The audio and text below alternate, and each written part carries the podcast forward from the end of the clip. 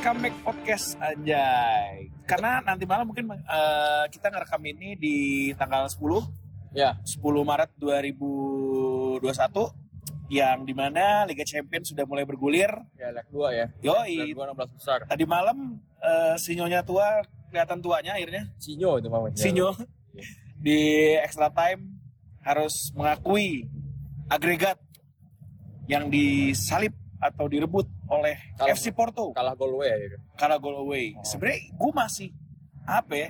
Gak adil sih. Ya bukan gak adil ya. Gimana ya? Emang itu kan udah kocokannya gitu ya. Dan Hmm. itu udah ada konsekuensi.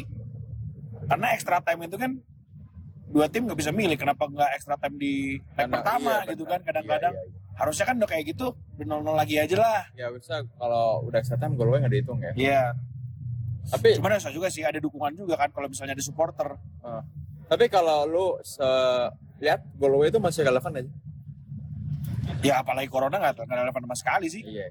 Kayaknya mungkin cuman udah ah, ini ibarat main basket tuh hafal ring mbak Hmm. hafal gawang kali ada yang gawangnya kayak gawangnya Highbury kan dulu terkenal gara-gara kecil kan Iya, iya. seinget gue Beda-beda dikit kan. iya pengaruhnya lumayan tuh beda-beda tipis tendangan-tendangan Beckham tendangan Juninho gitu kan ngefek tuh Iya. Tapi kalau dulu kan asal masalah gol away kan karena menghindari tim tandang itu mainnya bertahan. oke. Sekarang kan ya udah nggak gitu deh. sekarang udah sepak bola terbuka Iya, udah nggak ada ya. Jarang lah tim yang bertahan kecuali eh, ayam. Ayam. Ayam jago. Prancis. bukan. Tottenham Hotspur. Oh, iya. tapi masih di atas Arsenal.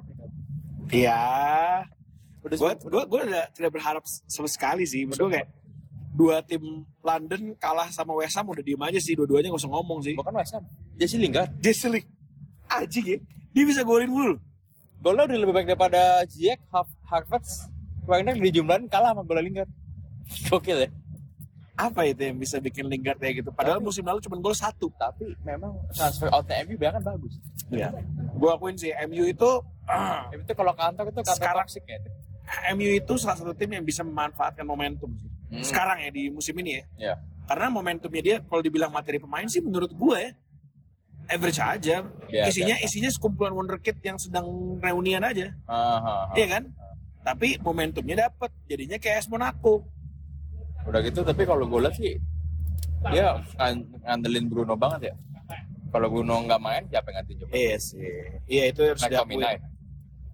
McTominay eh, di sudut pandangnya fans MU juga dua belah mata pisau juga sih. Di saat dia memimpin serangan kayaknya lebih baik saya tidak nonton MU tapi di saat dia memimpin lini pertahanan oke lah emang. Hebat ya. Interceptnya oke. Bagus lah. Gua gua gua keren lah ngelihat McTominay itu sebenarnya kayak ngelihat Paul Scholes. Oh, sama-sama itu. Versi nggak bisa ngumpat. Oh, keren gak sama-sama albino. ya bisa sih. Nah, Eh Halan jadi defensive midfielder ya itu. McTominay. Haaland udah 20 gol di Liga Champions. Wah luar biasa banget semalam Cuma Eh, dari 14 kali main. Erling Haaland akhirnya meloloskan Borussia Dortmund ya lawan Iya. Sevilla yang Iya, iya.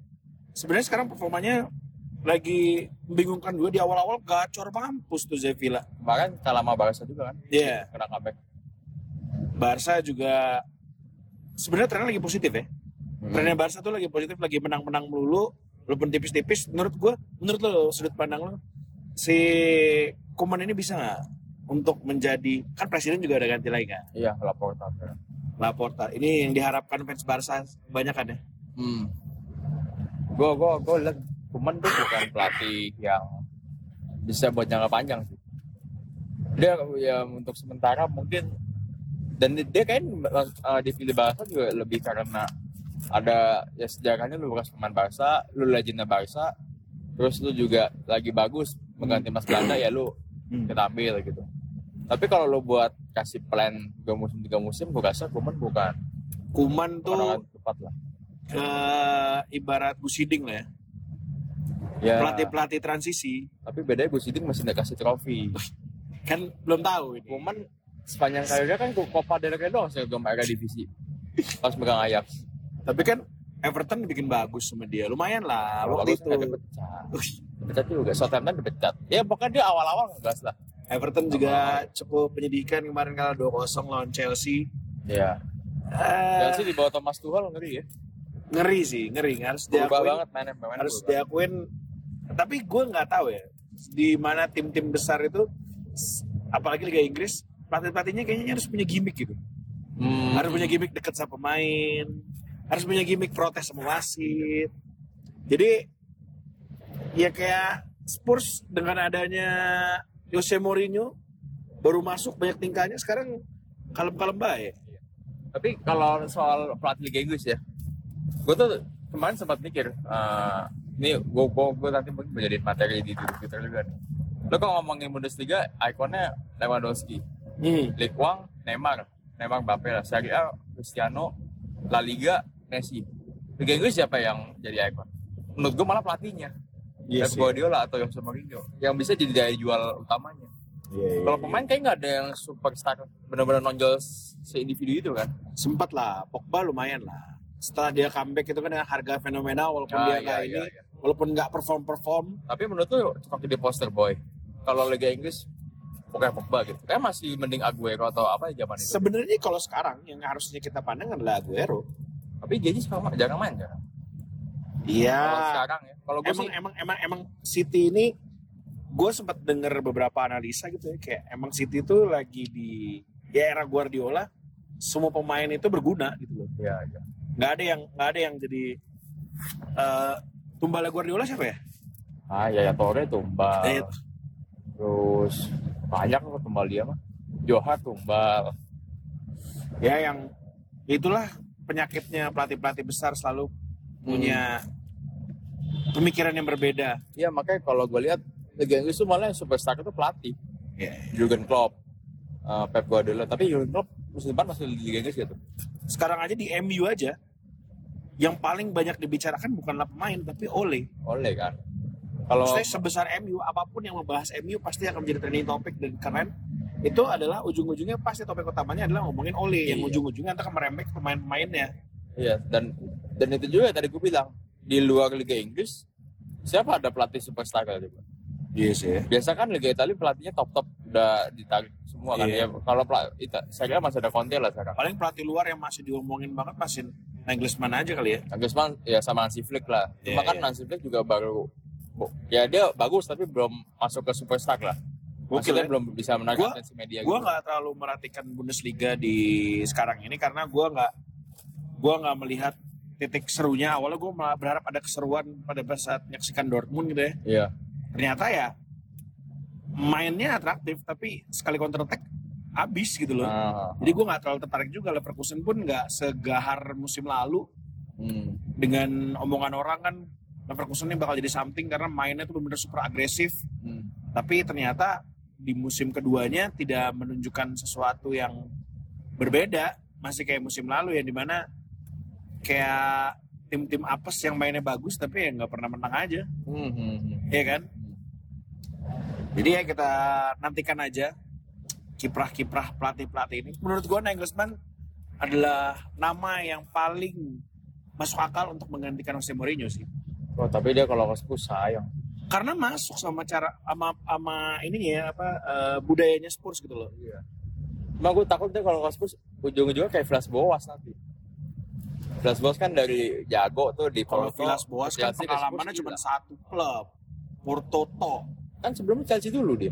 Enggak, pas gue kan sebelum ke Chelsea. Hmm. Sebelum Chelsea kan Portoto. Habis itu Habis juara Spurs. langsung ke Chelsea. Hmm. Habis itu Chelsea baru ke Spurs kan. Iya. Mas gue kan kayak gitu. Tapi kalau dan dan prestasinya cuma bawa Porto sebagai juara Liga Eropa sama juara eh Treble dia. treble di di di, di lokal kan. Ah, Tapi kalau Nagelsmann kan sebenarnya piala belum ada. belum ada. Tapi- gaya main. Tapi gaya main di Hoffenheim di Leipzig. Leipzig udah nggak usah ditanya Ah. menjadikan kontender dari tim dari tim yang no one to be someone gitu loh Tapi dia muda banget sih dan memainkan pemain-pemain muda juga sih Iya. Dan itu Belum yang 40 harusnya dia. dan di Inggris itu kan proyeksi pemain-pemain muda gila-gila apalagi City Chelsea itu kan salah satu dua klub yang belakangan ini menjadi klub tumpuan Inggris kan Iya. untuk mencetak pemain-pemain muda terbaik gitu loh Oh, tapi kalau Nagelsmann ke IPL juga pelatih Jerman baik banget ya di situ ya berarti. Tuchel, Klopp, terus pelatihnya Southampton juga kan Jerman tuh Asen Iya, Nuttall iya, iya. Kesian banget tuh. Senutul. dia suka itu sih Di musim ini udah dua kali dibantai berarti. Bantai besar maksudnya. dia sebenarnya bukan musim lalu ya yang Leicester Ini musim lalu ya? itu musim lalu ya ya itu musim lalu dia kalau satu musim kalah dua kali malas banget deh dan lo By the way, gua sama Aldi sudah lama sekali ini kita tiba-tiba langsung ngomongin bola karena emang udah lama banget. Gue sama Aldi pun pribadi udah lama gak ketemu juga. Hmm. Eh, selain karena corona, gue juga baru ada satu milestone ya yo udah ada KTP pink di ini gue. Udah ada. bayi cuy. udah ada junior ya Alhamdulillah, udah gue pakein baju Arsenal. Aldi katanya anak gue udah gedean mau dibeliin baju Harry Kane. Harry Kane kalau Harry Kane ya kasih trofi Liga Champions lah ya miniatur kan di London ada satu tuh Oh iya iya.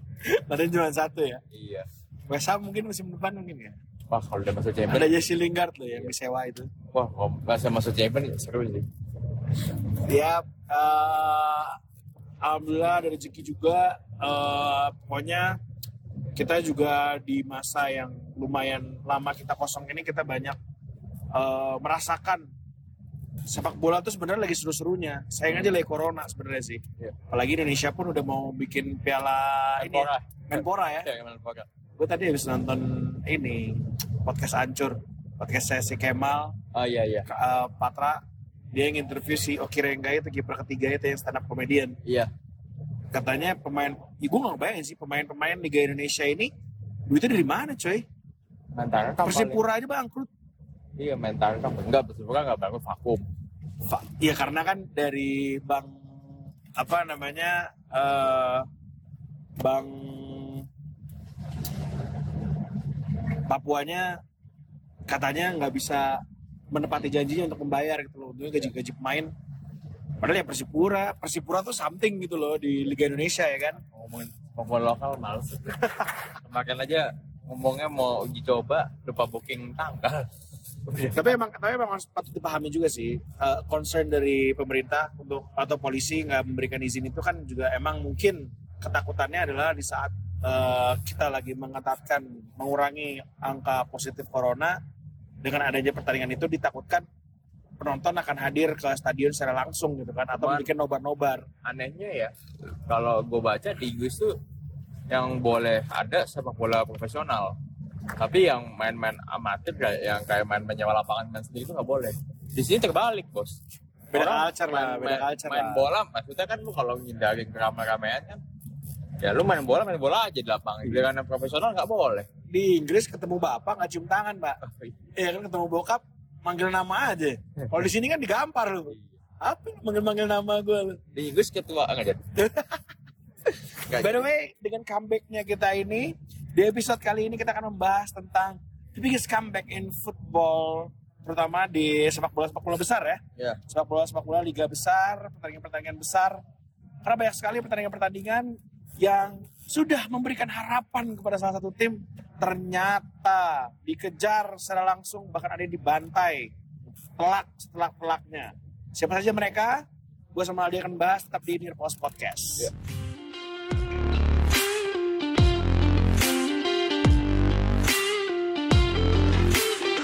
Kembali lagi di Post Podcast barengan Icam dan juga Aldi dan kita sedang membahas comeback king.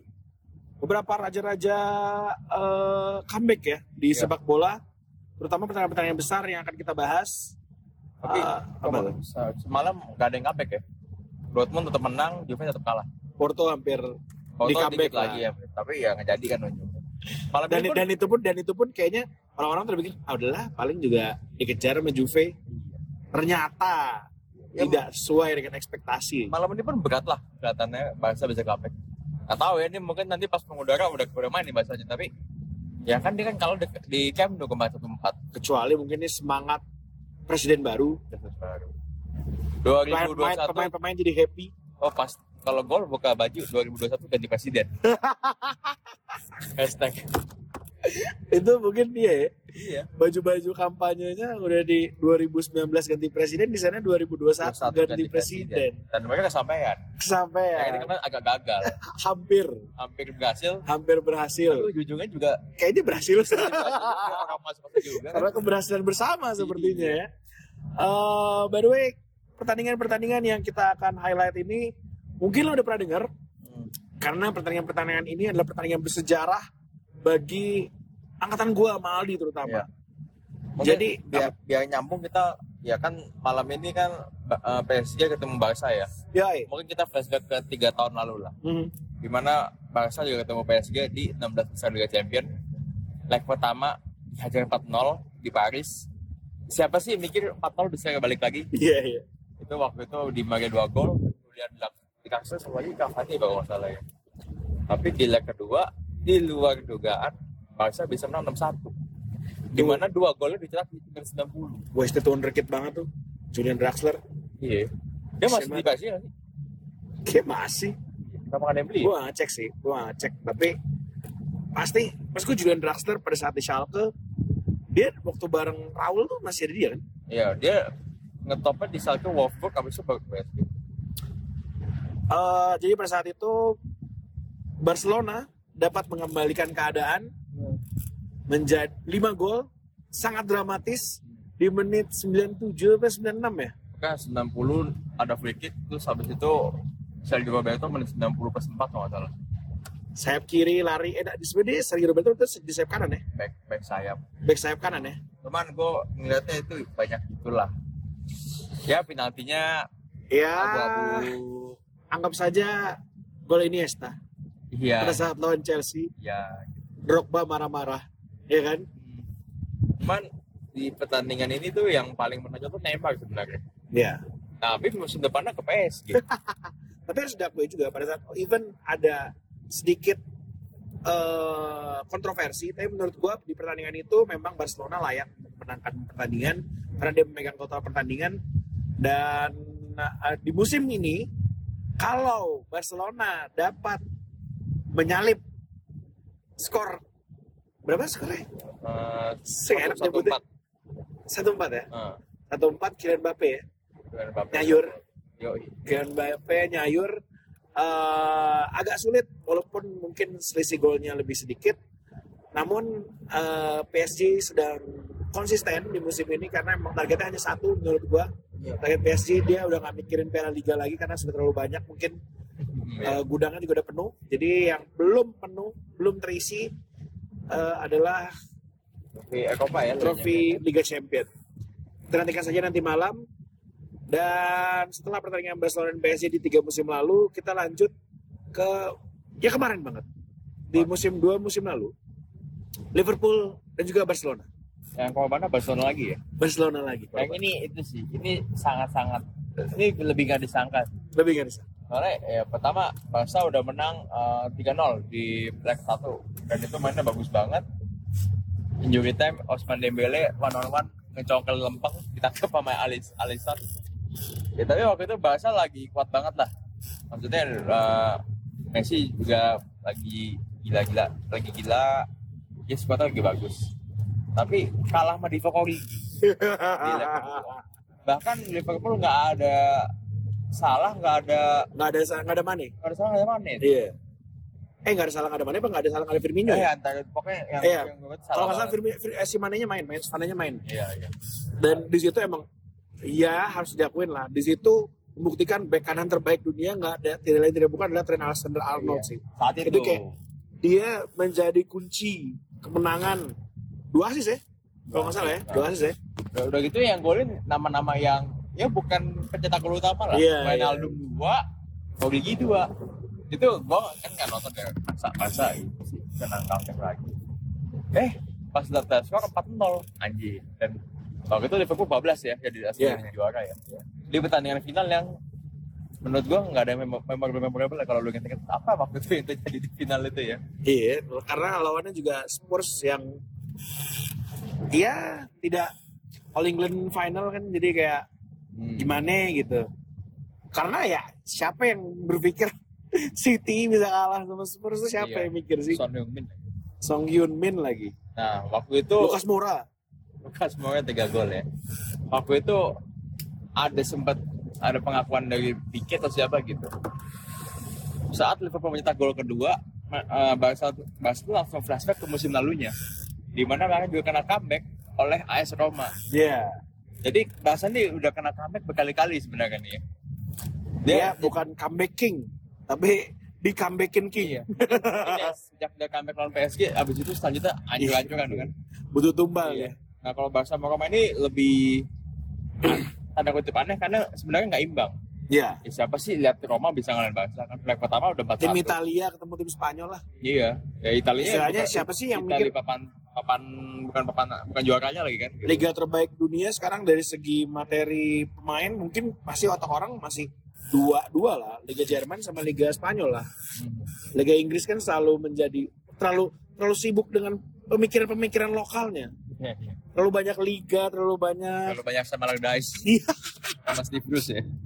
eh tapi pelatih Inggris sekarang lumayan loh Steven Gerrard baru menjadikan Glasgow Rangers yang sudah bertahun-tahun bahkan sempat bangkrut kembali dan menjadi juara. Tapi ingat, Steve McLaren juga Liga Belanda. Oh iya.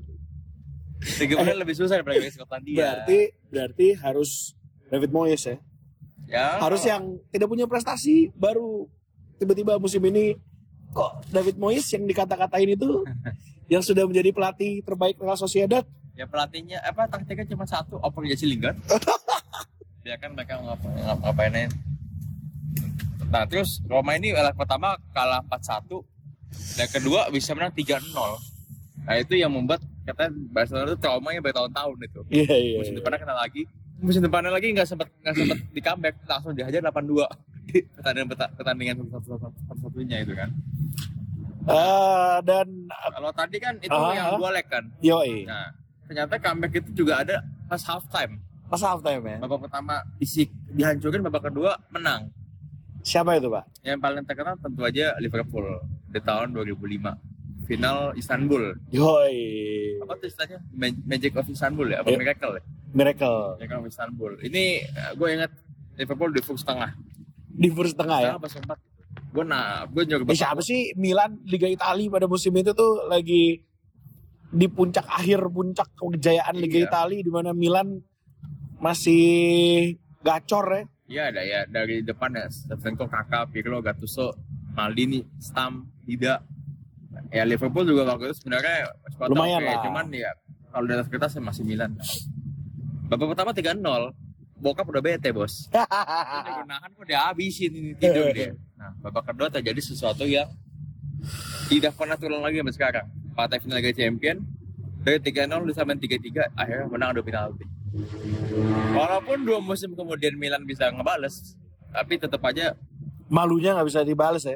pertandingan ini nggak bisa dilupain lah. Nggak bisa dilupain. Maksudnya itu adalah salah satu momen Liga Champion selain saltonya Gareth Bale sekarang yang sudah menggantikan tendangan no kicknya Zidane ya. Ya, Menurut gue tendangan salto Gareth Bale itu udah layak loh untuk jadi layar di pembukaan Liga Champion. iya benar. Udah nggak relate lagi sama tendangan Zidane. Tapi Tendangan Gareth Bale tuh tapi ini nggak ini makanya final terbaik Champions League sejarah sih Inggris Iya.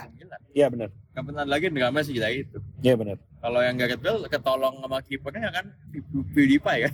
Paling paling ada lah dulu tuh lumayan tuh Munchen Valencia Oh, itu penalti kan?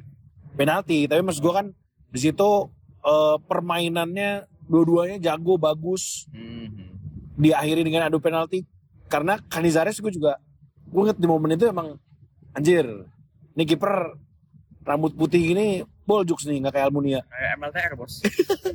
kenapa iya, putih-putih rambut nyanyi gitu kan. kayak PewDiePie ya PewDiePie. PewDiePie itu logo serius. oh jangan PewDiePie. jangan dibahas lagi sensitif loh isu lo- Karius Oh iya benar. Karius lagi ngerasukin Alison anjir kadis sadis gue nggak mikir gue nggak mikir Alison separah itu loh bukan ngasukin Alisson, ngasukin satu Liverpool. Enam kali kalah di kandang berturut-turut, buset. padahal pemainnya nggak terlalu banyak ya. berubah. backnya aja kan backnya aja kan Iya, cuman ya mungkin udah nggak ada rasa haus aja lah. Nah, terus Bener ya berarti kata-kata orang ya Jurgen Klopp tuh emang setelah dapat apa yang menjadi targetnya nggak terlalu banyak ambisi lagi kali ya. Iya, dan pemainnya juga lah.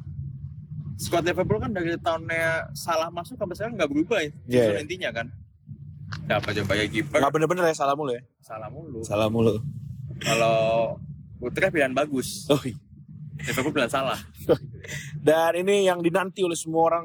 Ada pertandingan Nah. di mana eh, Manchester United mendapatkan treble. Ya, dan ini comebacknya luar biasa di Juki Time. Yoi, ini sudah lama kita tidak melihat pemain dengan bulu dada banyak bisa muncul di layar. Ryan Giggs waktu itu ya di injury time lari soloran dari kiri masuk puset.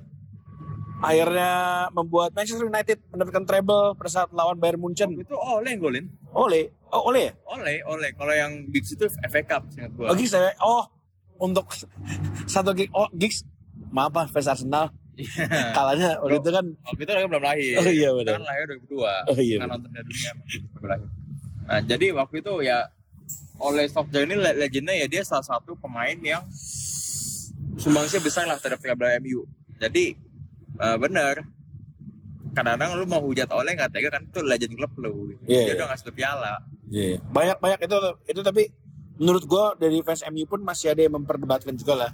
Dia itu layak dibilang eh, legend apa enggak? legend gitu. apa enggak. Tapi kan super sub doang kan. tapi kan tetap super sub Cicarito di masa kejayaan MU dia juga penting masuknya momen-momennya golnya pun bukan gol-gol sembarangan gitu kan. Kalau Walaupun cuma super sub gitu kan. kalau di Fox Origi le- legend Liverpool gak? Nyetak gol final Liga Champion loh. Tapi kan nggak pemain didikan. Ya, orang juga orang Norwegia. Tapi kan akademi Mana Oh dia nggak akademi. Dia Enggak dia dari Molde apa dari Kongwon lupa gue. dari Kongwan. kan Molde temennya Kongwon. Ya tapi eh, itu salah satu sejarah bagi sepak bola Manchester United juga. Ya. Karena waktu itu satu-satunya tim Inggris ya yang bisa Treble. mendapatkan treble ya Sampai sekarang. sampai sekarang. Lagi kan.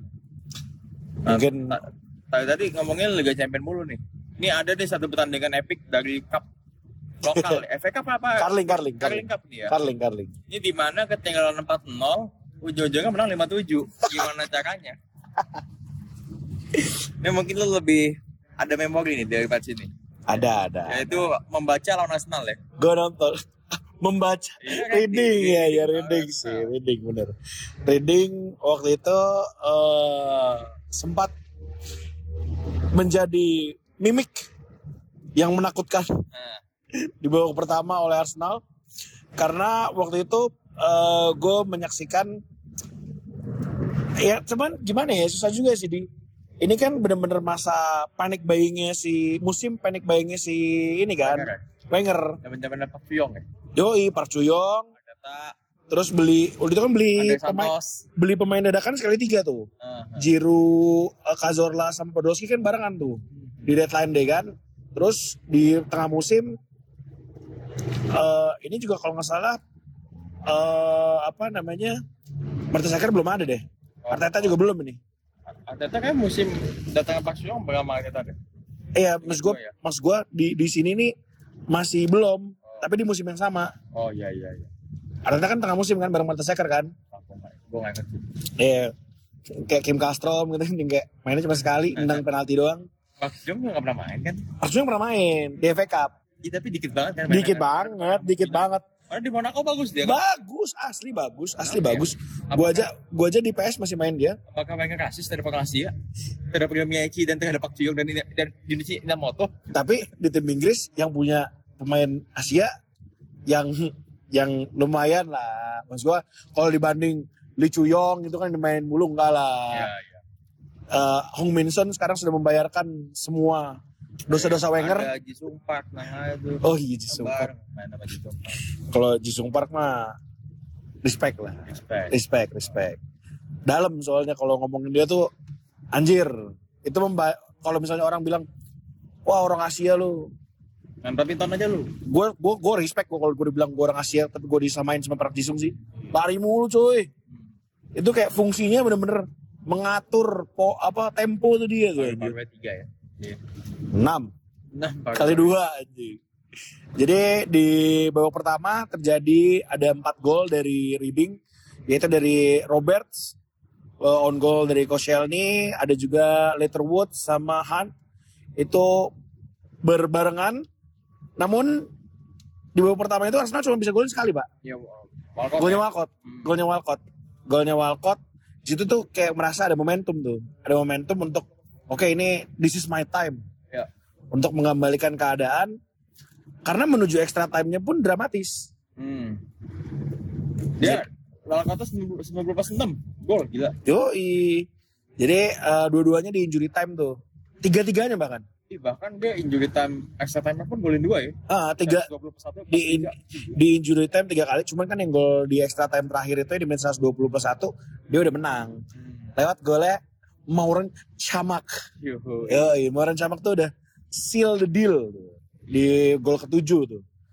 Ini gue sebagai fans Arsenal di situ tuh karena Arsenal tuh udah biasa kali ya kayak merasakan patah hati. Hmm. Jadi kayak ya udahlah kalah aja.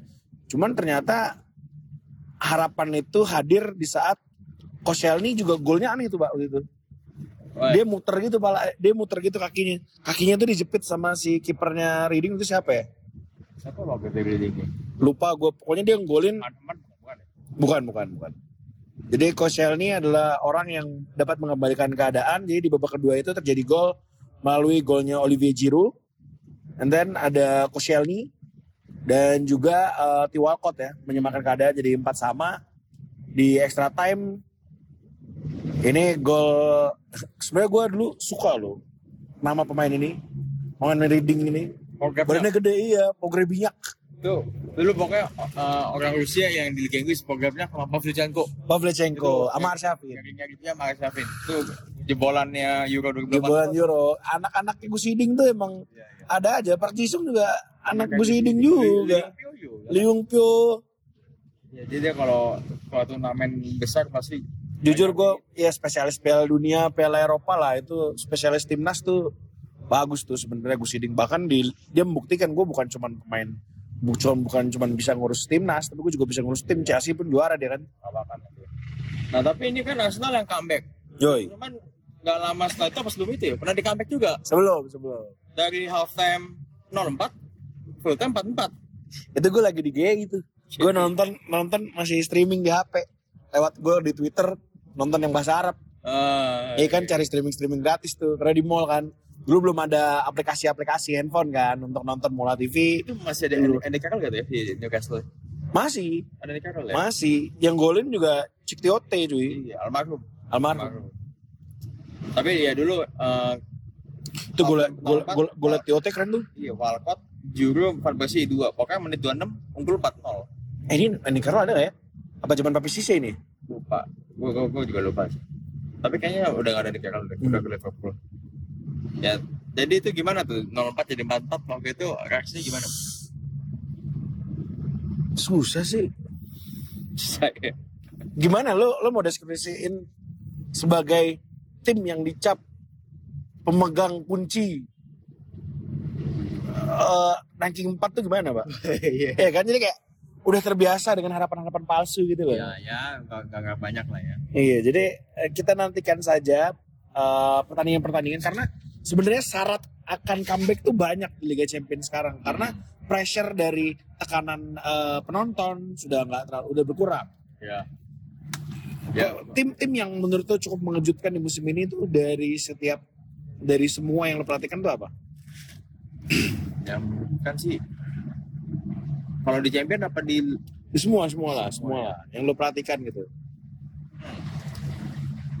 Leeds United cukup mengejutkan walaupun ternyata di bawah ekspektasi gua. Ya.